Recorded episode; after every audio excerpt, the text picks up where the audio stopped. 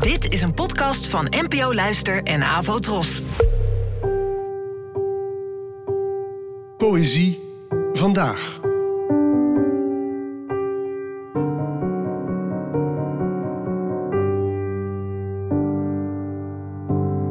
Hallo, dankjewel dat je luistert. Het gedicht van vandaag is geschreven door Koenraad Gouderseunen, die leefde van 1965 tot 2020.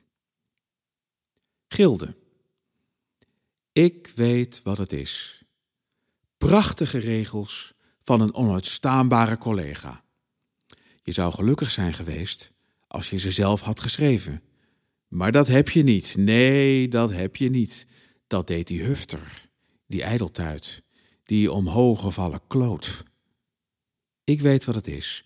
Prachtige regels van een onuitstaanbare collega. En nou weet jij het ook.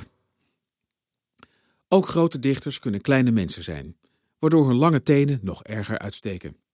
Bijna elke dichter zal de jaloezie herkennen bij het lezen van een mooi gedicht van een ander. Zeker als je die ander, om jouw moverende redenen, eigenlijk maar een prutser vindt. In dat opzicht is jaloezie een van de grootste complimenten die je kunt krijgen of geven. Natuurlijk zou het ons dichter sieren als we sportiviteit konden feinzen door te zeggen: Knap hoor, wat leuk voor je, dat had ik zelf ook wel willen schrijven. Maar eigenlijk doet Konrad Gouderseunen in dit gedicht nog iets veel beters. Door de afwisseling van ik en jij suggereert hij eerst dat de ik die spreekt en de jij die dit leest aan dezelfde kant staan. Pas bij de weloverwogen, net niet rijmende slotregel wordt duidelijk hoe het werkelijk zit. Jij, de lezer, bent het hele gedicht lang degene geweest die woedend naar prachtige regels van je gehate collega hebt zitten staren. Door het gouden je op die manier om jezelf laat grijnzen, klaart hij de lucht. Niet alleen voor dichters, maar voor iedereen die wel eens wat meer om zichzelf zou mogen lachen.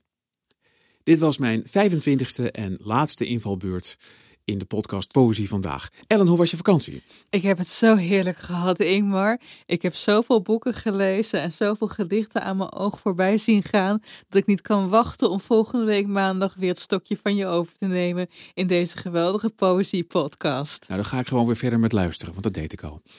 Bedankt voor het luisteren naar Ingmar. En tot de volgende keer. Afro Tros, de omroep voor ons.